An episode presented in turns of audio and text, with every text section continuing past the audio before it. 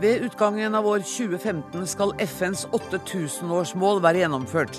Vi spør Erna Solberg, Børge Brende og Jonas Gahr Støre om hvordan ståa er 500 dager før fristen går. Situasjonen i Midtøsten tilspisses. Tre israelere har tilstått drap på en palestinsk tenåring i forrige uke. Og Telia Sonera kjøper Tele2 Norge, og vi får en ny norsk telegigant. Bra for konkurransen, mener én teleanalytiker. Ingen god dag for norsk mobilbrukere, mener en annen.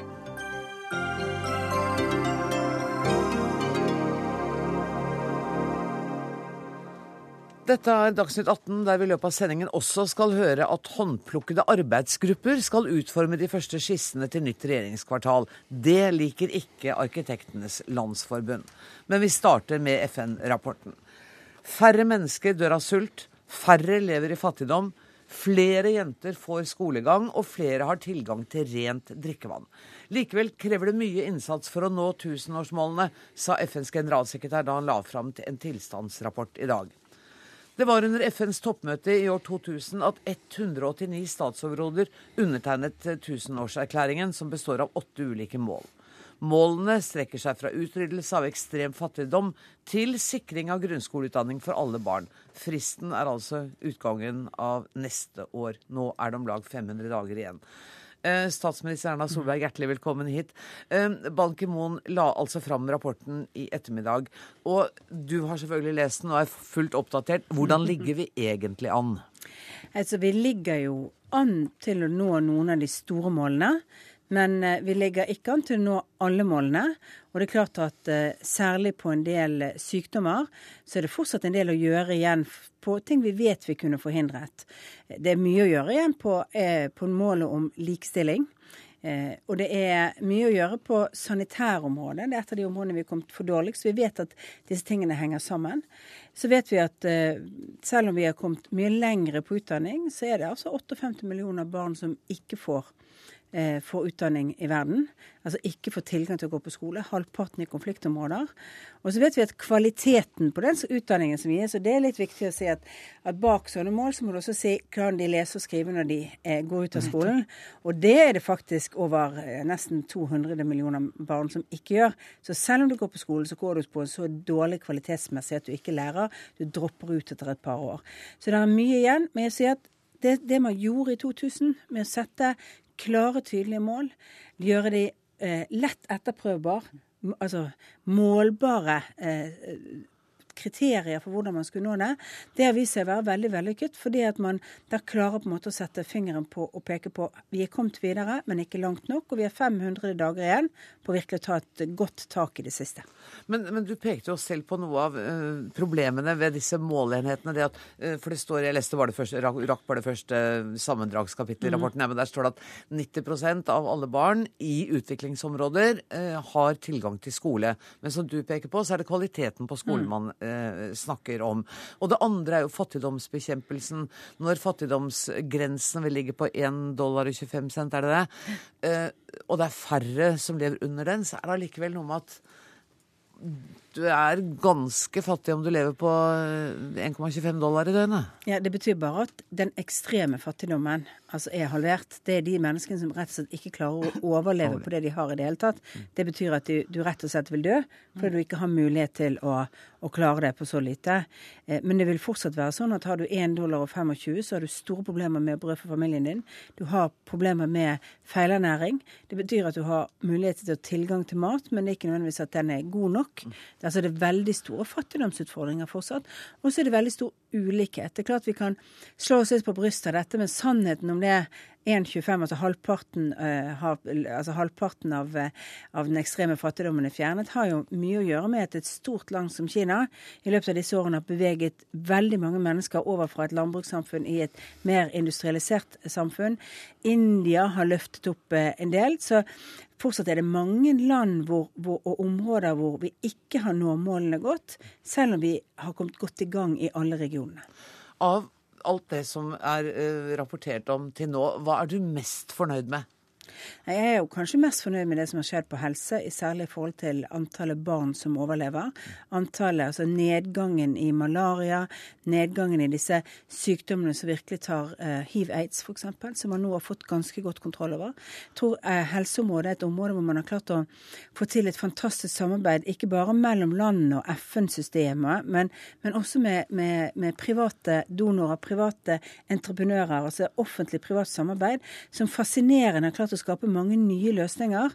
F.eks. en sånn liten ting som er hva er det som gjør at et vaksineprogram ikke fungerer? Jo, det gjør at vaksinen er ødelagt når den kommer ut et sted i verden hvor det ikke er et kjøleskap. Mm. Altså, så har jo Gates Foundation da for, for, altså, gitt pengene til å forske på å skape en skape den, en liten, liten bærbar kjølebag som varer i tre måneder, som bidrar til at vaksinene faktisk holder verdien fremover. Det er jo, sånn, det er jo det når du, tar, når du klarer å få et felles løft mellom stater, FN-systemene, men også få med deg denne entreprenørkraften fra andre, det er da du faktisk får gode resultater. Og det håper jeg at vi kan klare å kopiere på utdanningssiden òg, for det har gått bra på helse. Ja, og det er tre millioner barn som ikke lenger dør hvert år ja. pga. malaria. Bare den ene sykdommen. Det har man klart å stoppe. Liv Tørres, generalsekretær i Norsk Folkehjelp. Mm.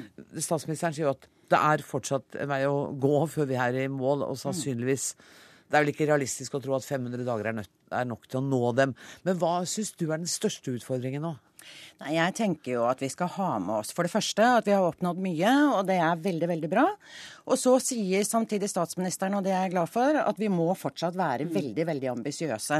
Inntektene i verden har økt betydelig mer enn det vi har klart å heve levestandarden til de fattigste av de mm. fattige med. Og, og det, avstandene mellom rike og fattige blir større? øker. Avstanden har økt betydelig. Og det sier to ting. Det ene er at vi må fortsatt være veldig ambisiøse. Mm. Eh, det er ikke mye vi får for 1,25 dollar eh, i døgnet. Det er knapt nok en pakke ris. Én eh, kilo i de landene du nå nylig har vært, Malawi, Rwanda og Sør-Afrika. Sør-Afrika så er prisene enda høyere enn en som så. Du får ikke en pakke ris engang for 1,25 dollar. Og, så vi må fortsatt være meget ambisiøse. Og det andre de sier, er jo at ulikhetene har økt betydelig. Mm. Det er viktig i seg selv, men det er også alvorlig. fordi at med de økte ulikhetene, så øker det også sosial uro. Og igjen eh, sosial uro bidrar til å forklare noen av de svære humanitære katastrofene eh, som vi nå ser internasjonalt, i Midtøsten f.eks. Men uh, når det gjelder, altså hvis du ser på helse- og vaksinasjonsprogrammer er nå én ting. Det andre er jo utdannelse. Mm. Det er jo langt flere unger som nå får gå på skole enn det har vært noen gang. Ja, og det er bra. Og vi er veldig glad for den fokusen statsministeren har på jenter og utdanning spesielt. Samtidig så skal vi ha med oss at det er ikke manglende utdanning som forklarer at det er en overrepresentasjon av jenter og kvinner blant de fattigste av de fattige i verden. Grunnen til at kvinner er overrepresentert blant de fattigste, er at de enten mangler jobber, eller har jobber som de rett og slett ikke får en lønn å leve av, eller at de bor i land hvor de ikke har rett til å ytre seg Eh, rett til å organisere seg og rett til å stille krav overfor sine myndigheter. Det vi ser nå internasjonalt de siste årene, er at demokratiet undergraves i land etter land. Og med det organisasjonsfrihet, ytringsfrihet med mer. Og det vil også undergrave det mål som. Regjeringen har satt høyest av alle i regjeringsplattformen, nemlig fokus på demokrati og demokratibygging, og dermed bærekraftig utvikling. Jeg skjønner hva du sier, men, men er det ikke sånn at de rettighetene du etterlyser for mm. kvinnene, de vil det være lettere for dem å mm. kjempe seg til hvis de har en utdannelse i bånn? Hvis det, du kan lese og skrive, ja, så blir det, det, noe lettere å ytre seg. Det er jeg helt enig i, men jeg velger å se utdanning som en nødvendig, men ikke tilstrekkelig forutsetning for bærekraftig utvikling. Vi skal ha med oss at det er en rekke land hvor man nå har oppnådd en del når det gjelder jenters, jenters, utdanning. Men så lenge de fortsatt ikke har en jobb å gå til, og så lenge de fortsatt ikke har muligheten til å ytre seg fritt, så er det begrenset hva man klarer å oppnå med det. Så jeg sier ikke at ikke utdanning er viktig, men, men jeg sier at det, vi må ha flere tanker i hodet samtidig her. Vi må se på styresett og demokrati og jobbskaping. Ta med deg hodetelefonene, for vi har et par litt utålmodige menn, tror jeg, som, som har lyst til å være med også. Jonas Gahr Støre, først leder i Arbeiderpartiet. Ehm, det er jo ikke noen politisk uenighet om at disse målene er det verdt å kjempe for. Ehm, er du optimistisk når du ser hva resultatet er til nå? Ja, Som statsministeren sier, så var jo dette en helt ny måte å jobbe på i 2000. At man faktisk satte seg noen konkrete mål. Man kunne etterprøve, som man sier. Altså følge opp om arbeidet faktisk nyttet. Så det mener jeg at verdenssamfunnet kan være fornøyd med. Jeg er urolig eh, for hva som kommer etter de 500 dagene som er igjen, for da skal vi se fra 2015 og framover. Og akkurat nå så er det veldig mange gode hensikter og veldig mange mål som står på den listen. Og det kan man forstå, men det må fortsatt være slik at vi har muligheten til å konsentrere ressurser. Men så vil jeg si at eh, i Norge har vi vært veldig samlet i denne innsatsen. Jeg har vært med i regjering i mange år, og jeg vil gjerne gi honnør til statsministeren for at hun gjennom egen reise til Afrika vektlegger utdanning på den måten hun gjør. Det tror jeg hun har bred støtte til. Og også måten å jobbe på. Men det er noen måten vi snakker om disse tingene på som jeg syns vi skal ta litt til ettertanke. og det er at det er jo ikke vi som løfter andre ut av fattigdom. Det er altså mennesker i fattigdom som må få muligheten til selv å komme veien ut. Eh, og jeg tror det er noe om den samtalen som føres i FN, i rike land, i bistandsland, som kan ta inn over seg at forutsetningene for å komme ut av fattigdom, det er ikke at det er givere som gir verken vaksiner eller utdanning, men det er litt som Liv Tørres var inne på, at styresettet fungerer, at det ikke er krig, at det er mulighet å kunne få arbeid, utdanning.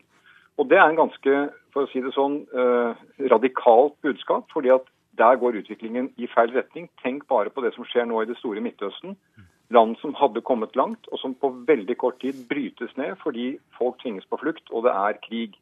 Så Det er noen sånne grunnleggende ting vi ikke kommer unna. Men det som jeg mener vi bør understreke fra norsk side, og de bistandsressursene vi bruker, og de er per innbygger ganske mange penger, men allikevel ikke veldig mye den store målestokken, det er å holde fram med denne måten å jobbe på. Være målrettet, bruke norske fagmiljøer og, og støtte opp om de regjeringene som faktisk velger et godt styresett som kan, eh, kan, hjelpe folk ut av fattigdom. Men Større, kan ikke du bare kort, fordi Det glapp litt for meg da du sa vi må være villige til å konsentrere ressurser. Mente du da at vi må prioritere hvilke felt vi skal arbeide på?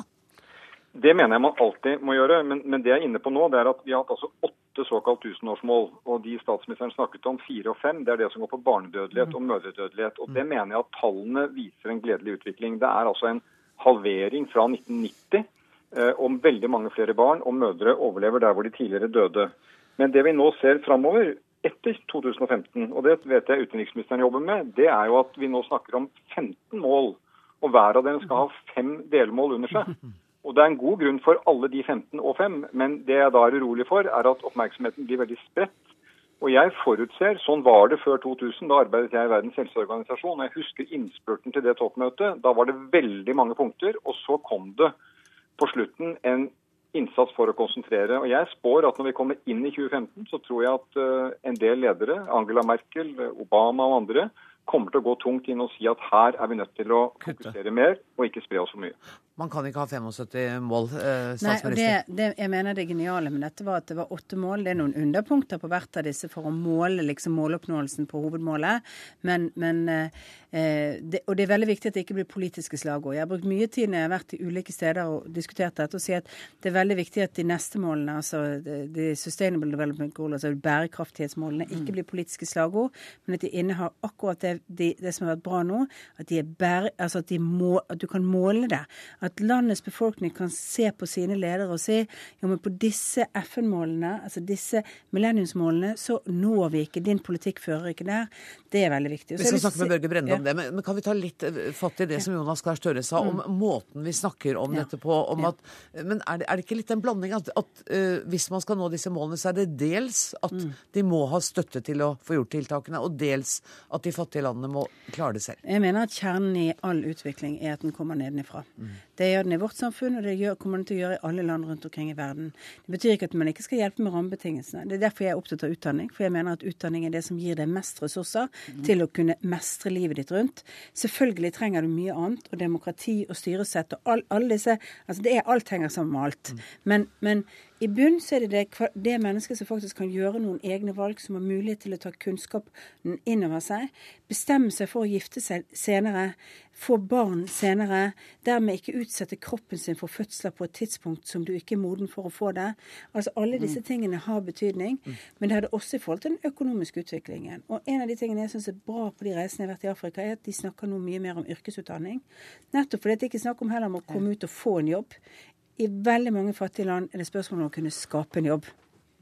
Vi kunne snakket utrolig lenge om dette. Tida løper så fort. Jeg må uh, ta inn uh, utenriksminister Børge Brende, som er i New York. Og du skal også i dag ha et møte med Ban Ki-moon. Og du hørte forhåpentligvis hva både statsministeren og Jonas Gahr Støre sa om de neste målene.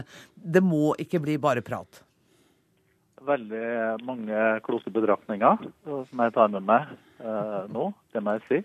Det må du si når sjefen din sitter i studio, vet du. Ja, men jeg sa det både til Liv Tørres og Jonas Gahr Støre her òg. Okay. Eh, alle hadde mange gode innspill, og jeg er enig i at uh, i dag opereres det med 17 mål. Uh, det er nok i overkant av uh, hva som er ønskelig. Vi bør prøve å komme ned i, til ti mål. Og det overordna målet frem til 2030 er å utrydde all ekstrem fattigdom og sult. Og så er det delmål under, både på utdanning, på helse, tilgang på energi, klima, eh, som er viktige mål, og ikke minst dette som nevnes som godt eh, styresett og antikorrupsjon. For det er vanskelig å skape utvikling uten at man eh, kommer korrupsjon til livs. Og så er det dette med jobb.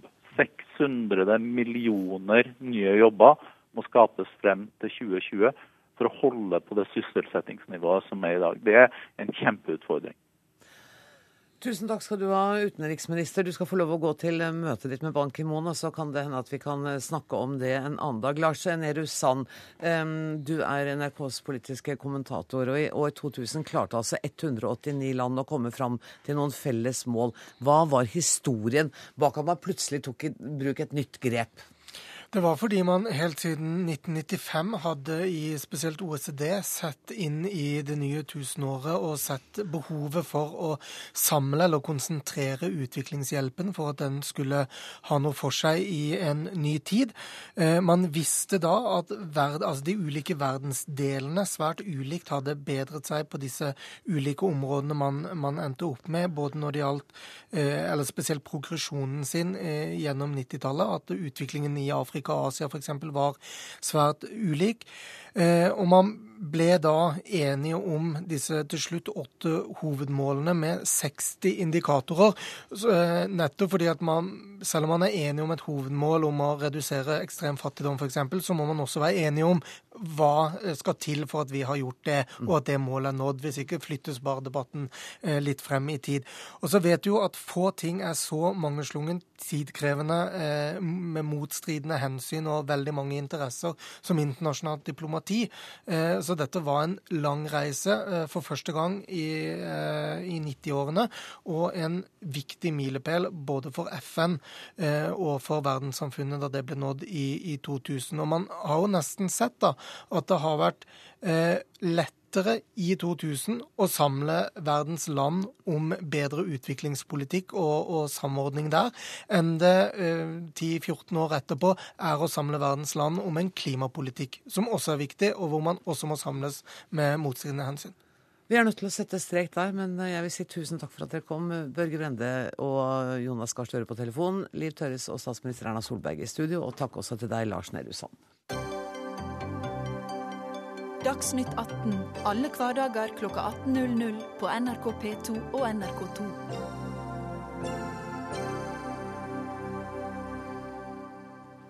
Tre av de seks israelerne som er pågrepet for å ha bortført og drept en palestinsk tenåring i forrige uke, har tilstått. Samtidig fortsetter Hamas å sende raketter inn i Israel fra Gaza. NTB melder nå at Israel kaller inn ekstra soldater til Gazastripen av frykt for nye sammenstøt. Sissel Wold, eh, du er utenriksmedarbeider her i NRK. Hvem er de tre som nå har tilstått drapet på den unge palestineren? Vi vet ikke så mye detaljer, fordi at eh, politiet har lagt eh, litt lokk på denne etterforskningen, sånn som de ofte gjør hvis det er ting av sensitiv art.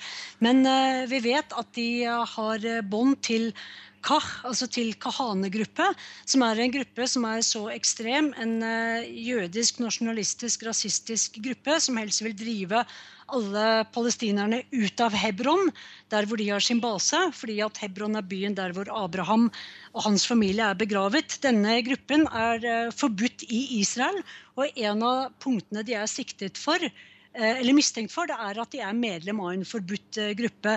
Eh, et annet navn, en annen gruppe, er Le Hava, som er en gruppe som prøver å overtale jødiske kvinner til å slå opp med sine ikke-jødiske kjærester, fordi at man skal holde Altså, man, man, det er kvinnen som bringer jødiske identiteten videre, og derfor er det uheldig at de da assimilerer seg.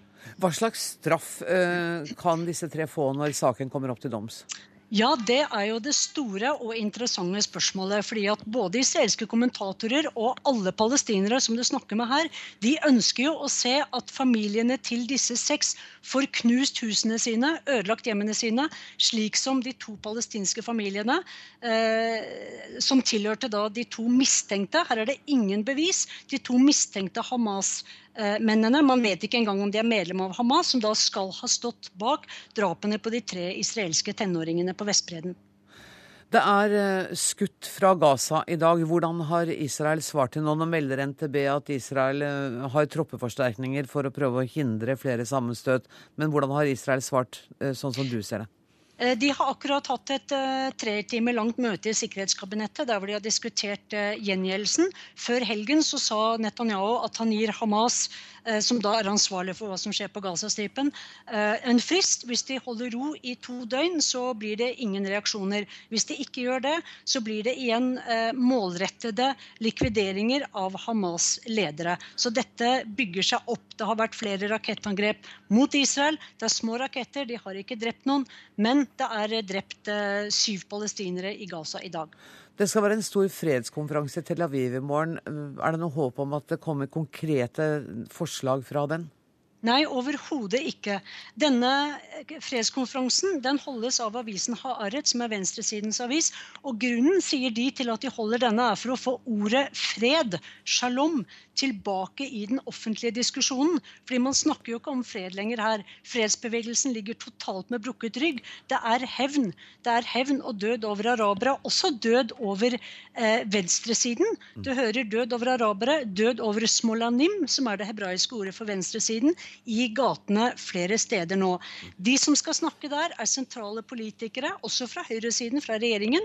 Og så er det kjente eh, journalister som Gidon Levi, Amira Hass, som dekker dekker okkupasjonen. Eh, bare si kort også, Zaid Kashua, en veldig kjent arabisk-israelsk forfatter som skriver på hebraisk, han skal dit.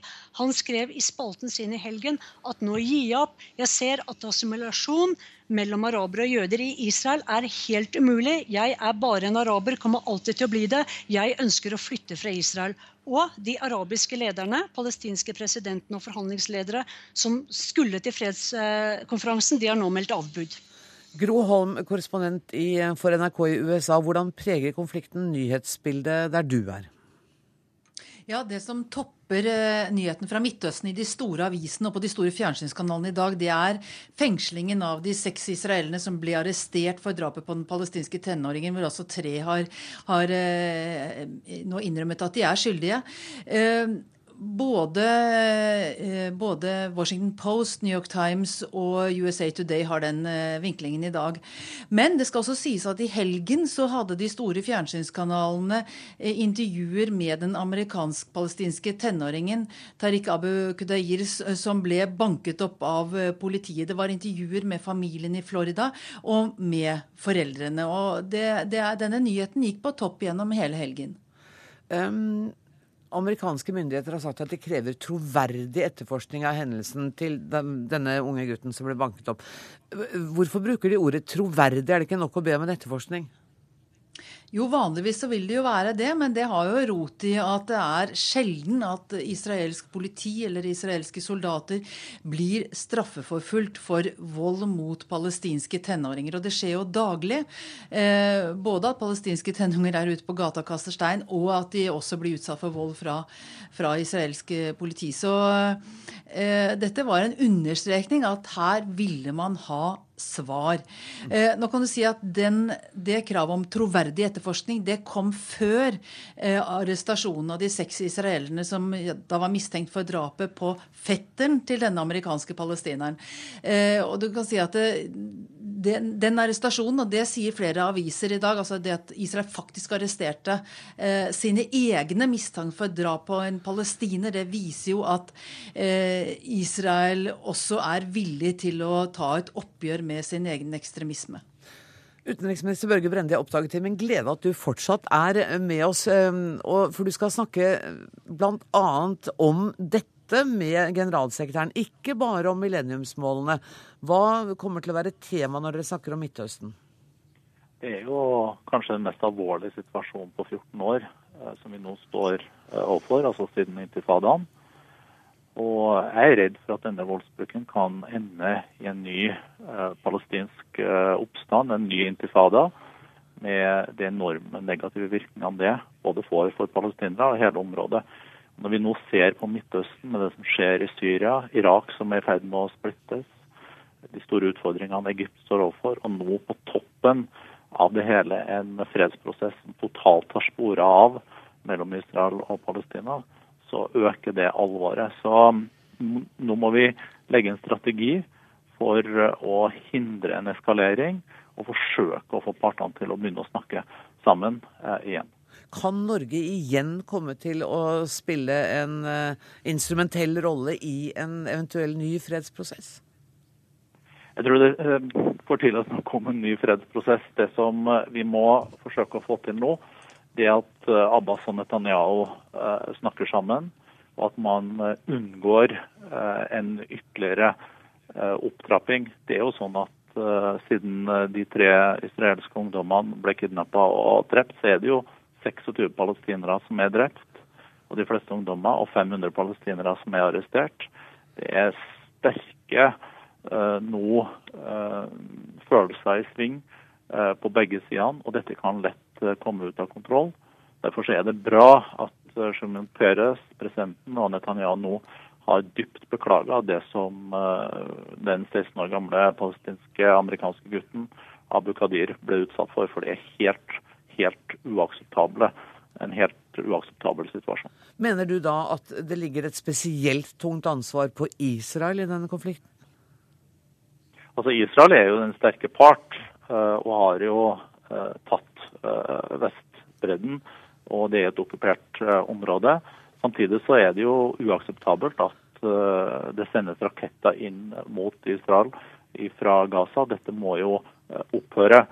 Eh, det jeg håper på, er jo at man nå slipper og unngår en ytterligere opptrapping eh, som lett kan komme ut av kontroll. Så det Norge vil eh, bidra med gjennom å lede den såkalte giverlandsgruppa, AHLC, er jo å ha kontakt med begge partene. Og vi ber de eh, om å besinne seg og prøve å få på plass en fredsprosess igjen. Det vi betaler prisen for nå, det er jo rett og slett at eh, det ikke er noen fredsprosess. Dette har kommet ut av kontroll. Og liv går tapt hver bidige dag. Tusen takk skal du ha, utenriksminister Børge Brende. Anne Sender, du er forfatter og skribent og tidligere forstander i Det mosaiske trossamfunn. I Aftenposten i dag så advarer du mot det som kalles spoiler-ekstremistene. Forklar meg litt. Jeg tror at det er det på begge sider. Det er eh, personer og miljøer som eh, kun er interessert i å, å, verne om sine egne interesser. Ikke nasjonen, ikke hele nasjonen, ikke hele befolkningens interesser. Og der, De er ikke interessert i fred.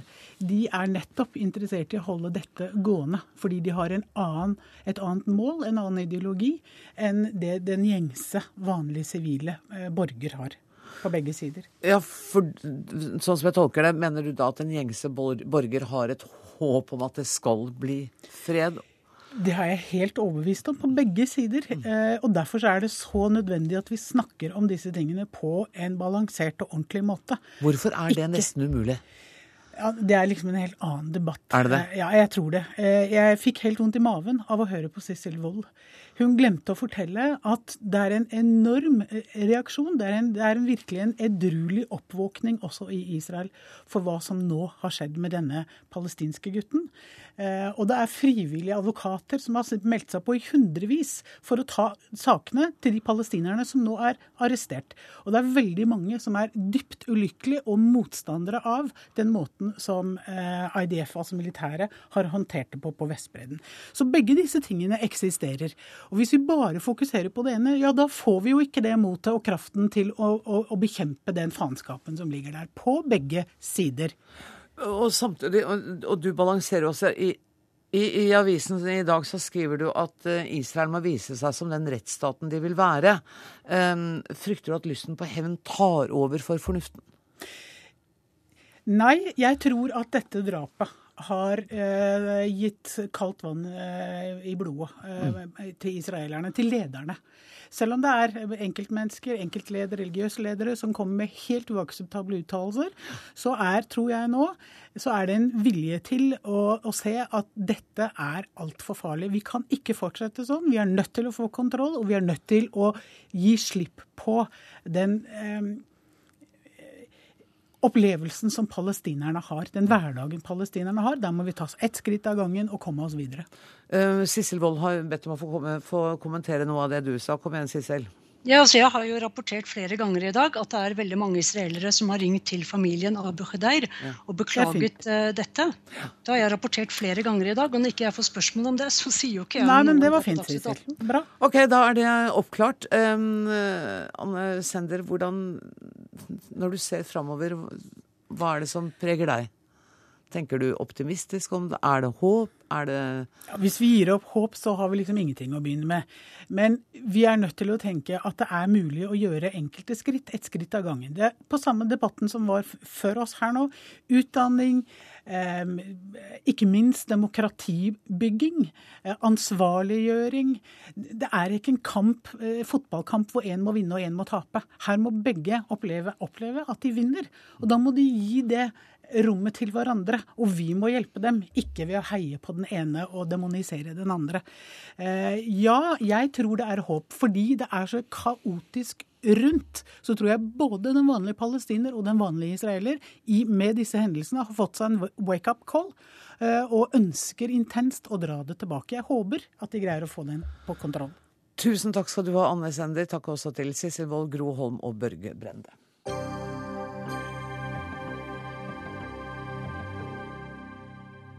I dag ble det kjent at NetComs morselskap Telia Sonera kjøper Tele2 Norge for 4,6 milliarder norske kroner. Det betyr at uh, det norske telemarkedet i realiteten blir delt mellom to aktører. Telia uh, Sonera med 40% markedsandel, og Telenor som har en markedsandel på mer enn 50% To storselskaper, ikke mange små, kan være gunstig for forbrukerne. Det mener du, eh, Espen Torgersen. Forklar meg hvordan det kan være. Altså, det er jo slik at uh, å bygge et nett er dyrt. Å bygge tolandsnett nett er dobbelt så dyrt. Så det er klart at det er kapitalintensivt å bygge moderne mobiltjenester. Så det det norske markedet trenger over tid, det er jo selvfølgelig sterke aktører som kan kjempe imot Telenor ikke bare på å underslå på pris, men også bygge tjenester som konkurrerer på høyde med Telenor. Men du sier sterke konkurrenter. Nå, nå blir det jo bare én da, mot Telenor. Nei, altså det blir jo, Reelt sett så er det jo flere. Ja, Men av de store så er det jo Så, så det er, altså I denne debatten så blir det alltid en del forutsetninger man må ta. Okay. Men i dag så er det jo slik at uh, de som har kanskje utpreget uh, vært mest konkurransedyktig eh, imot Telenor, er de vi snakker om i dag. Og så er det andre, deriblant en aktør som har en lisens, og i hvert fall sier de har til hensikt å bygge nett i Norge. Så hvordan kan en, eh, dette oppkjøpet eh, gjøre det bedre å være forbruker? Altså hvis, hvis, du ser på Telenor, så har de investert ca. 16 milliarder kroner siden 2010 og frem til 2013. 16 milliarder kroner. Det er ganske mye penger. Det er mye penger. Ja. Så det er klart at eh, med mindre man forutsetter at de pengene er eh, svært eh, lite gunstig investert, så er det jo klart skal du konkurrere med en sånn aktør over tid, så må du i hvert fall være av en viss, ha visse finansielle muskler for å kunne konkurrere. Og da snakker vi om konkurrere om nett, bygge høyhastighetsdatanett osv. Espen Torgersen, du er altså telekomanalytiker i meglerhuset Carnegie. Vi skal snakke med Tore Årønes, som er teleanalytiker i Norsk Telekom. Du har sagt at dette er en dårlig dag for landets mobilbrukere? Ja, eh, og det sier jeg fordi eh, vi nå har eh, vært i et duopol i en god del år. Og etter hvert så klarte myndighetene etter mange års arbeid å få stablet en tredje operatør på beina. Og Det er et uttalt uh, mål i den norske telepolitikken å ha flere operatører for å få lavere priser. Så um, Det er ikke nødvendigvis slik at det er så dyrt å bygge ut at man må bare være én eller to. Det trodde man i starten. og Jeg jobbet i NetCom fra 92. og Da mente man at det var idioti med to mobilnett. Den gangen kostet uh, en samtale syv minutter. Så vi ser jo hvordan konkurranse virker. Men er man bare to, så vil konkurransen bli mye mer eh, oversiktlig og, og, lett å kontrollere for de to partene som er der. Og det, og det blir det vi kaller for et behagelig duopol. Og så er dagens nyhet et tilbakeskritt for norske telemyndigheter og for så vidt for landet for øvrig. Så Torgersen tar rett og slett bare feil? Vi kan nok være enige om mye, men uh, for å si det sånn, den, den norske telepolitikken er tuftet på at man skal ha flere aktører, virksom konkurranse, for å få prisene ned. Det, Hvis uh, denne saken blir vedtatt f.eks. i konkurransemyndighetene, så får vi den morsomme situasjonen at konkurransemyndighetene mener at konkurransen er god nok, mens telemyndigheten mener at det ikke er god nok. Og hva blir utfallet da? Da blir det at Konkurransetilsynet godkjenner, og da vil det bli sånn? Hvis Konkurransetilsynet godkjenner, så vil det trolig bli sånn. Så spørs om det kommer en liste med, med liten skrift, hvor man må gi fra seg noen goder. Men uh, i utgangspunktet så er det vi har hørt om i dag, det er ikke i tråd med målsetningene i norsk telepolitikk. Torjussen, når du hører Årenes som sier både at, at, vi i realiteten får et slags duopol eh, her, og at det egentlig ikke behøver å være så dyrt å, å bygge ut eh, flere nett, er ikke det et poeng?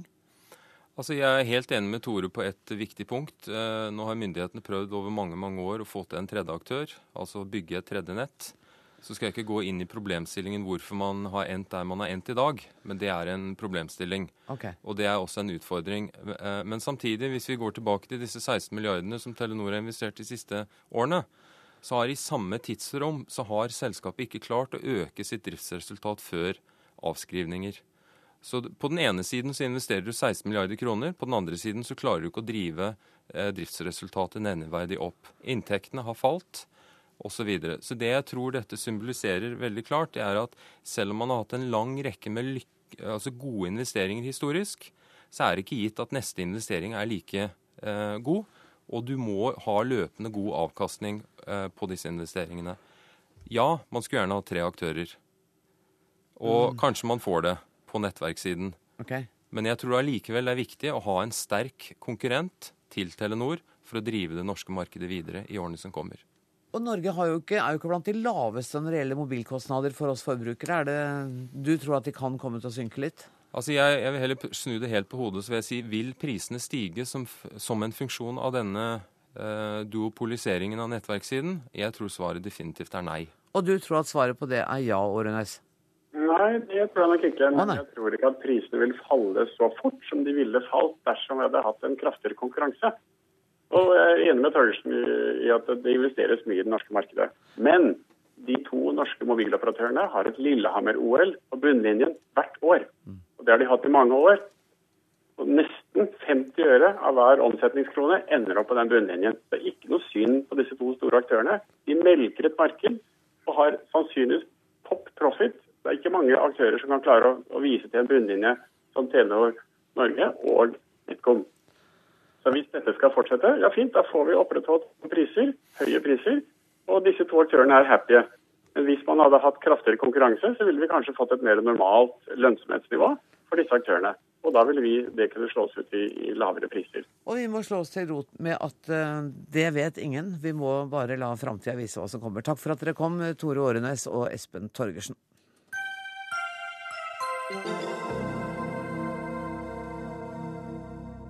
Verdens helseorganisasjon rapporterer om 445 døde og flere enn 750 smittede etter ebolautbruddet i mars. Det er Guinea, Sierra Leone og Liberia i Vest-Afrika som er rammet av epidemien. Dette er tidenes verste utbrudd, og det er ennå ikke under kontroll. Lindy Surum, du er nødhjelpskoordinator i Leger uten grenser, og du er i Liberia, i hovedstaden Monrovia. Eh, kan du kort beskrive hvordan situasjonen er der? Ja, jeg står nå rett utenfor helseministeriet, hvor jeg har vært i møter i hele dag. og Vi prøver å bistå dem så godt vi kan med å få i gang et system som forhåpentligvis kan få dette under kontroll.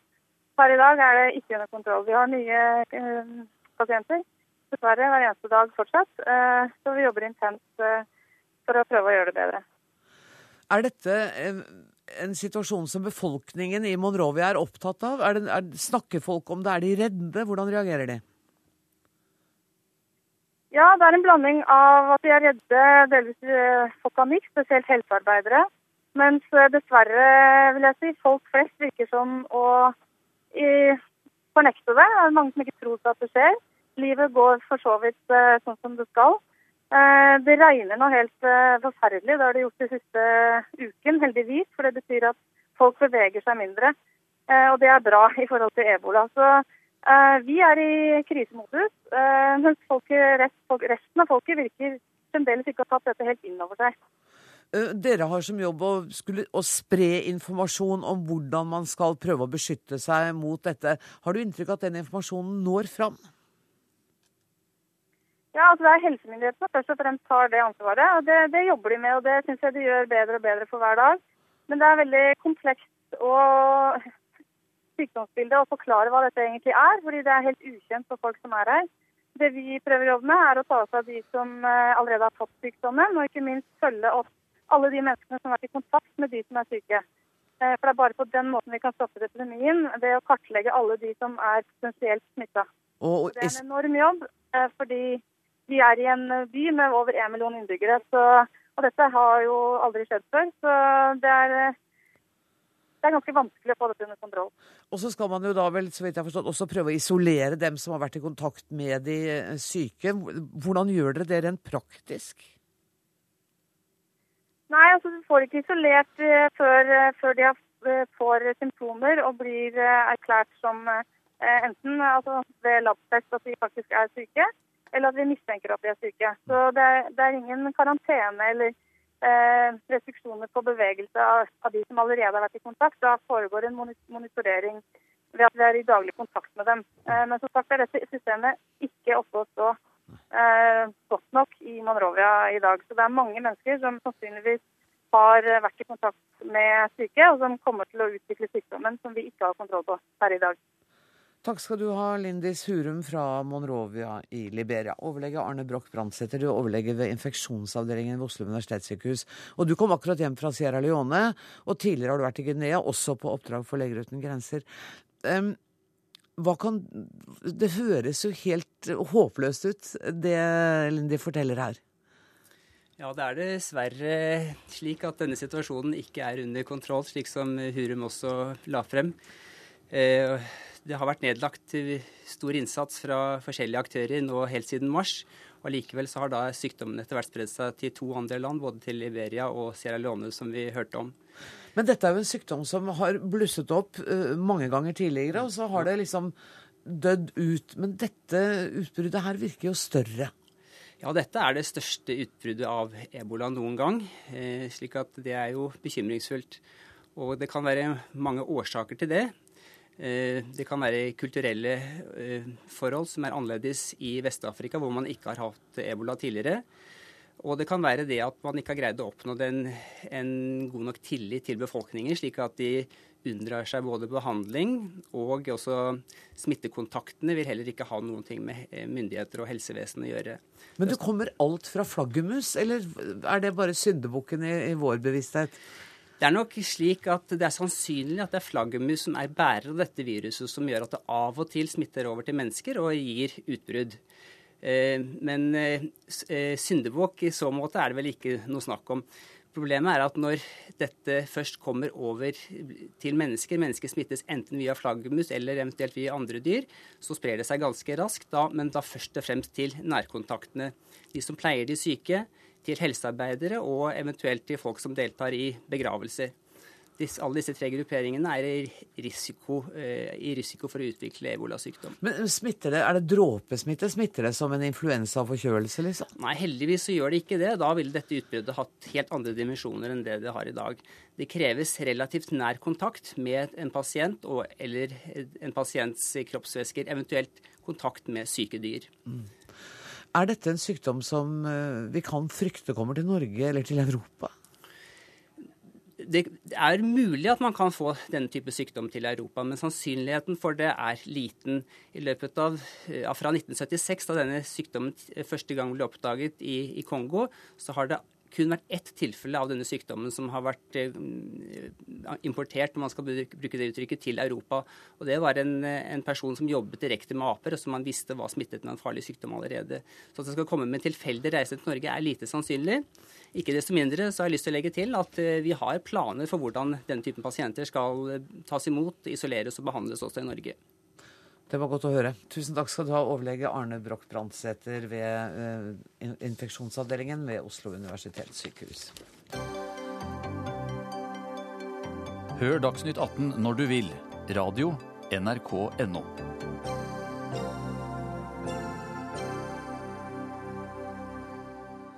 Arbeidet med det nye regjeringskvartalet er nå i gang. Regjeringen gir Statsbygg klarsignal til å starte arbeidet, eh, som skal stå ferdig i 2023. De første skissene til kvartalet skal utarbeides av opptil syv arbeidsgrupper, håndplukket av Statsbygg. Og akkurat det med at man er håndplukket får deg til å reagere. Kim Skåra, du er president i Norske arkitekters landsforbund. Hvorfor det? Eh, jo, vi eh, mener at eh, det er en såpass viktig oppgave at man bør gå bredt ut og eh, ha en åpen idékonkurranse som man kan bygge videre på. Men den idékonkurransen har jo nå departementet sagt at den, når skissene foreligger, så kan man ha arkitektkonkurranser. Ja, men Det vi er redd for, er at man eh, har en prosess eh, som blir eh, for snever, istedenfor å gå veldig bredt ut i starten. Det er veldig fornuftig å hente inn flest mulig løsningsforslag på et overordnet nivå før man går inn og legger premissene for enkeltbyggene. Vil... Så derfor så mener vi at man må gå åpent ut. Men ville ikke en åpen konkurranse både vært dyrere og kanskje også mye mer tidkrevende enn at man nå plukker ut en uh, gruppe mennesker som skal lage de første skissene? Nei, eh, det blir ikke noe mer kostbart. Man skal honorere disse eh, store gruppene. Og hvis man heller konsentrerer seg om å ha noen gode premier i en åpen internasjonal konkurranse, så vil omtrent kostnadene bli det samme. Pål Schaffi, statssekretær ved Kommunal- og moderniseringsdepartementet. Eh, hvorfor ikke gå ut åpent, da? Og, og få fornøyde arkitekter her i landet? Fornøyde arkitekter skal vi ha. Eh, det er ganske viktig, og de har en viktig rolle i dette. Nei, og jeg tenker at vi, Dette er, skal være åpent. Det er hele poenget. Så, så det vi muligens er litt uenige om, er, er en rekkefølge. Men, men, når vi ønsker grupper eh, som jobber med prosessen her, eh, og, og, og gener, altså, som hentes utenfra, eh, så er det jo nettopp for å hente kompetanse utenfra og inn. Eh, for å få en offentlig diskusjon rundt dette og legge et grunnlag for en, en bred og demokratisk debatt. Eh, og det er meningen å vise disse ideene. Det, for, det høres litt ut som dette skal være en sånn lukket prosess, og, og så skal liksom alt være, være, låst, og så mange år fram i tid så er det et eller annet man skal konkurrere om. Poenget er det motsatte.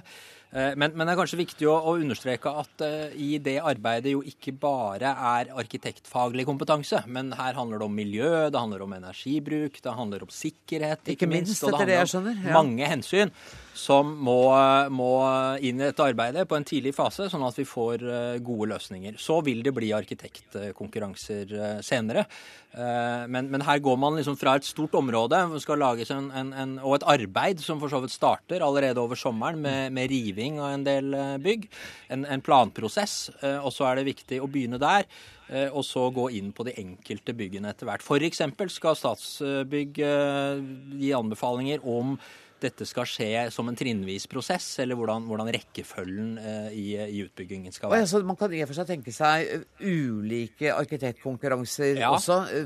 Et som skal erstatte Y-blokka, ett R4, eller, eller, hvordan Man kan tenke seg det. Tenke seg det. Eh, og, og, det er dumt av meg å si at det blir sånn eller sånn, nettopp ja. fordi vi skal hente inn ekstern kompetanse i denne idéfasen for å få gode anbefalinger. Skåra, ble du litt mer fornøyd nå? du, altså jeg må bare presisere at Vi går ikke ut med dette for å tilfredsstille arkitektene. Vi mener at dette er faktisk allmennhetens interesse. At man går eh, bredt og åpent ut i starten og har en god overordnet idé, bare så det er sagt. Eh, og man kan også, eh, ofte så, eh, når man inviterer til åpne konkurranser, så kan man også appellere til at det er tverrfaglige grupper, brede tverrfaglige grupper. Det er det som regel i så kompliserte oppgaver, så det er ikke noe problem. Det er ikke noe selvmotsigelse her å ha en åpen konkurranse og ikke få den kompetansen som trengs for å gå løs på en så viktig og krevende byutviklingsoppgave. Men jeg forsto også at du tidligere har sagt at du har vært bekymret for sikkerhetsaspektet. At det skal legges for mange premisser om at til slutt får eh, en festningsarkitektur der, eller et fort. Det er vi i høyeste grad, og det er vel kanskje den største utfordringen med utbygging av regjeringskvartalet nå. Og det er å sørge for at man får en løsning som også innebærer god byutvikling. For vi ser at sikkerhetsaspektet ofte blir prioritert veldig høyt. Og eh, det har ikke nødvendigvis noe med en lukket eller åpen konkurranse å gjøre. Men vi er veldig eh, engstelige for at man nå kjører prosesser hvor premissene eh, blir lagt, hvor sikkerhetsaspektet blir absolutt den høyeste prioriteringen. Og det er ingen tjent med. Shafi. Sikkerhet er jo nødt til å ha høy prioritet her. Eh, men jeg tror ikke det handler om hvor høy prioritet sikkerhet har i forhold til andre ting. Jeg tror særlig dette handler om at sikkerhet ligger inne som en forutsetning fra starten, sånn at man kan planlegge for gode, integrerte sikkerhetsløsninger, og ikke finner ut at sikkerhet er noe man ikke hadde tenkt på, og må, må gjøre ting på et senere tidspunkt. ja, for jeg så Statsråd Sanner har sagt at, at, sikkerheten skal på en måte være en integrert del inne i bygget, og at det ikke skal bli nettopp det ja, fortet eller den festningen. Hele poenget her er jo at det skal være åpent. Dette ja. er midt i Oslo sentrum. Det er veldig viktig at det er et samspill med byen, med, med næringsvirksomhet, med, med, med, fritid, med at, at vi eh, viser at vi følger opp bl.a. det som skjedde 22 juli ved at vi er opptatt av åpenhet og demokrati, mm. også i utformingen av et regjeringskvartal. Og Nå skal disse skissene være klare, du? Uh, i, i 20, altså Planprogrammet som Statsbygg skal jobbe med nå, skal, skal være klart i løpet av 2016, har vi sagt. Agnes Moxnes, kulturkommentator her i NRK. Hvor viktig er det veivalget som Kommunaldepartementet nå har tatt? Ja, Det er uh, veldig viktig, det. fordi at det de gjør, er jo at de, de går ut ganske tradisjonelt og satser på liksom, de store konsulentselskapene. I stedet for å gå ut og gjøre det Norske arkitekters landsforbund uh, og flere også, andre også har bedt dem om å gjøre, om å la liksom, de hundre blomster blomstre. Fordi at de skal jo løse et problem som er, er, som er et, en stor utfordring, ikke bare i Norge og i Oslo, men verden for øvrig også. Det er å, å, å få til en kombinasjon av sikkerhet og et levende bymiljø. Men kan det hende at de sparer litt tid ved at man utsetter dette konkurranseelementet til man har fått no, sju gode skisser? Altså, jeg tror at dette handler om at uh, Kommunaldepartementet og regjeringen ønsker uh, en uh, å satse så sikkert som mulig. at det verste som kan skje nå, det er å få tunge tidkrevende debatter inn i denne saken. De ønsker å stikke liksom spaden i jorda i 2020, og for å få til det, så må dette gå så på skinner som det kan få gjort. Og da er disse tidkrevende debattene det man ønsker å unngå, og da er det kanskje lettere å slippe, det, slippe fra dem hvis du har de tunge aktørene inne fra begynnelsen av. Ja, Denne debatten har i hvert fall ikke vært så veldig tidkrevende. Jeg holdt på en sju minutter, tenker jeg. Men jeg sier tusen takk for at dere deltok, Kim Skåra, Paul Shaffey og Agnes Moxnes.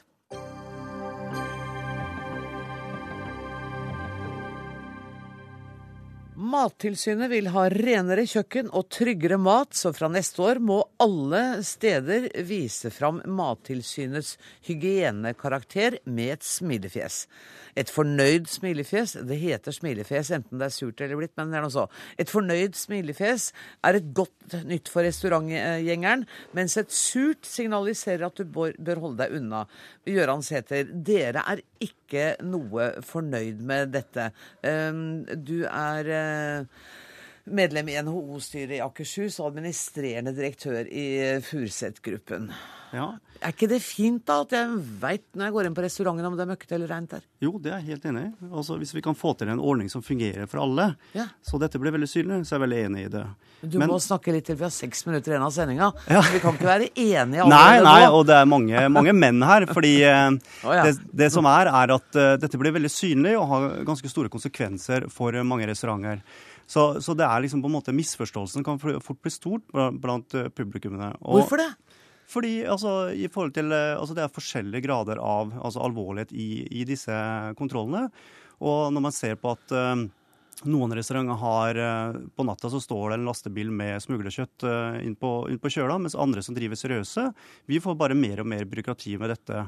Så vi er veldig positive til dette hvis dette luker bort den useriøse delen av bransjen. Men for oss som driver seriøst, så ser vi at dette blir bare mer byråkrati og mer jobb for oss som allerede følger reglene som er i dag. Men, men er det så mye mer byråkrati hvis du får beskjed om at det er ikke rent nok? Eh, så er det ikke så mye byråkrati som skal til for at du rydder opp i det? Nei, det er jeg helt enig i. Men spørsmålet er da er det rent nok som er smilefjeset. Det er det som er, og hvordan smilefjeset fungerer nå som har Facebook og sånne ting. Så altså, alt sprer seg så veldig fort. Og for vi som har kjente store restauranter, så har det nok ikke så stor konsekvens. Men for en liten restaurant som nyoppstarta, hvis man får en anmerkning med et surt smilefjes som man får to dager på, på å bytte, slik at man har på en måte gjort disse tiltakene riktig igjen, så får det store konsekvenser. Vi må spørre Susanne Øyne om hvordan dette her skal virke. Du er prosjektleder i Mattilsynet. Eh, hvordan har dere tenkt å gjøre dette? Ja, det blir et eh, opplegg med tilsyn på lik linje som det er i dag.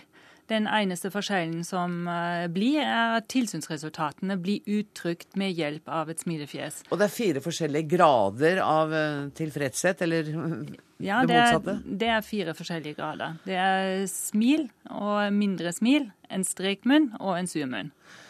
Men så får man da for en restaurant to dager på seg til å rydde opp i forholdene. Har fått en sur munn.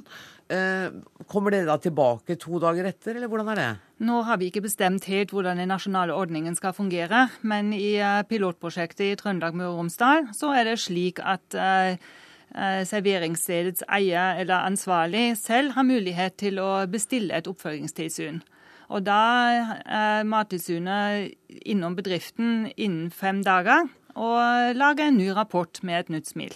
Hvordan er erfaringene fra utlandet med dette her? For jeg går ut fra at det ikke er vi som har eh, funnet opp kruttet her. Nei, vi har jo tett kontakt både med Danmark og eh, Finland, som har innført dette her for ikke så veldig lang tid. Og tilbakemeldingene fra begge disse er at de er veldig fornøyd. At forbrukerne er fornøyd, og at også næringen er fornøyd. For det er verstingene som da blir borte? Eh, Hvorvidt de blir borte, det vet jeg ikke. Men eh, de skal ordne opp, og de ordner opp. Og de ordner kanskje opp litt fortere enn de har gjort før. For alle er interessert i å ha et smil. Gøran Sæther, dette Ja. høres jo helt tilforlatelig ut, Ja, også for dere. dette, dette høres veldig godt ut i teorien, men i praksis så, så er jeg mer bekymra hvordan dette fungerer. Vi har veldig god dialog med Mattilsynet opplever at det er en av de beste tilsynene å ha en god dialog med. De er veldig pragmatiske og løsningsorienterte. Men vi, de sier også internt så, så sier jo de også at de skjønner ikke hvordan de skal få tid til dette, for de allerede er veldig pressa på tid. Og det også på en måte gå og smiley-markere alle restauranter f.eks. i Oslo, er jo veldig tidkrevende. Og mitt spørsmål til det er jo har Mattilsynet ressurser og tid til dette og å gjøre det på en ordentlig måte? Vær så god, Susanne Øyen. Nei, vi jobber med ordningen nå, og eh, vi har ikke detaljene på plass. Og som med alle saker, så er altså dette en modningssak, også intern eh, hos oss i Mattilsynet. Eh, Det er nye måter å føre tilsyn på. Vi skal standardisere tilsynet. Vi skal eh, eh, ta i bruk tekniske hjelpemidler. Så eh, skal vi se på hvem som skal være omfattet, og hvordan vi skal legge opp. Det vi er veldig opptatt av, er at vi skal lage et opplegg som vi greier å gjennomføre. For da, Noe av problemet nå er jo at, at jeg vet ikke som kunde eh, hvordan det står til på restauranten. Jeg, jeg, kan gå, jeg kan lete meg fram, vil jeg tro, i Mattilsynets rapporter. Det er tidkrevende. Så for meg som kunde tenker jeg det er ganske smart. Jeg vil ikke gå på en restaurant hvor det er møkkete kjøkken. Nei, det er jeg helt enig med deg, og det er kjempefint for oss også, så, som prøver også å gjøre dette riktig hver dag. Så er det kjempefint at dette blir veldig synlig. Men det blir en stor grad bruk av skjønn her. Og det er klart å, å få på en måte for at du satte en fiskekasse på, på gulvet istedenfor på benken, og få et surt smilefjes på det. Altså det er alvorlighetsgraden og på en måte bruken av skjønn her som, som blir vanskelig i hverdagen, tror jeg. da. Og dere kommer til å snakke mye sammen om dette før det blir satt i verk. Jeg kan ikke snakke mer med dere, for at sendinga vår er slutt. Tusen takk til Susanne Øyen og til Gøran Sæther. Jeg skal bare helt til slutt nevne at uh, ansvarlig for sendinga i dag har vært Andrea Holm. Og teknisk ansvarlige har Karl Johan. Jeg heter Anne Grosvold. Takk for nå.